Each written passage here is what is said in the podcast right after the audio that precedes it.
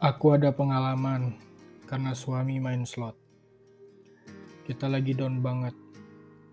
Suami jadi sering marah-marah dan bohong. Dia tergiur dapat uang dari slot 5 sampai 10 juta. Dan akhirnya dia pacaran sama admin slotnya, Kak. Habis-habisan sampai dia nggak peduli istrinya sendiri dan lebih perjuangin si admin slotnya itu. Dia rela cerai dan gak peduli sama istrinya, cuman karena perempuan itu.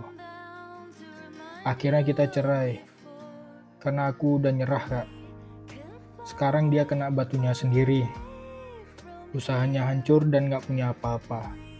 Akibat main slot dan gak peduli sama istrinya.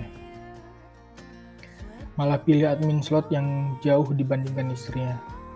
Mereka LDR tapi kenapa dia yakin kalau si admin slotnya itu beneran serius sama dia?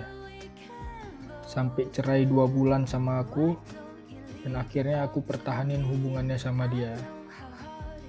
Tapi nggak tahu cinta dia itu masih buat si cewek itu apa enggak. Admin slotnya itu orang Medan, namanya Liza Alfasa. Cewek itu dibeliin kalung, uang, dan lain-lain. Sedangkan istrinya gak pernah dibeli apa-apa sama sekali. Sekarang mobilnya ditarik dan dia gak ada kerjaan apa pun.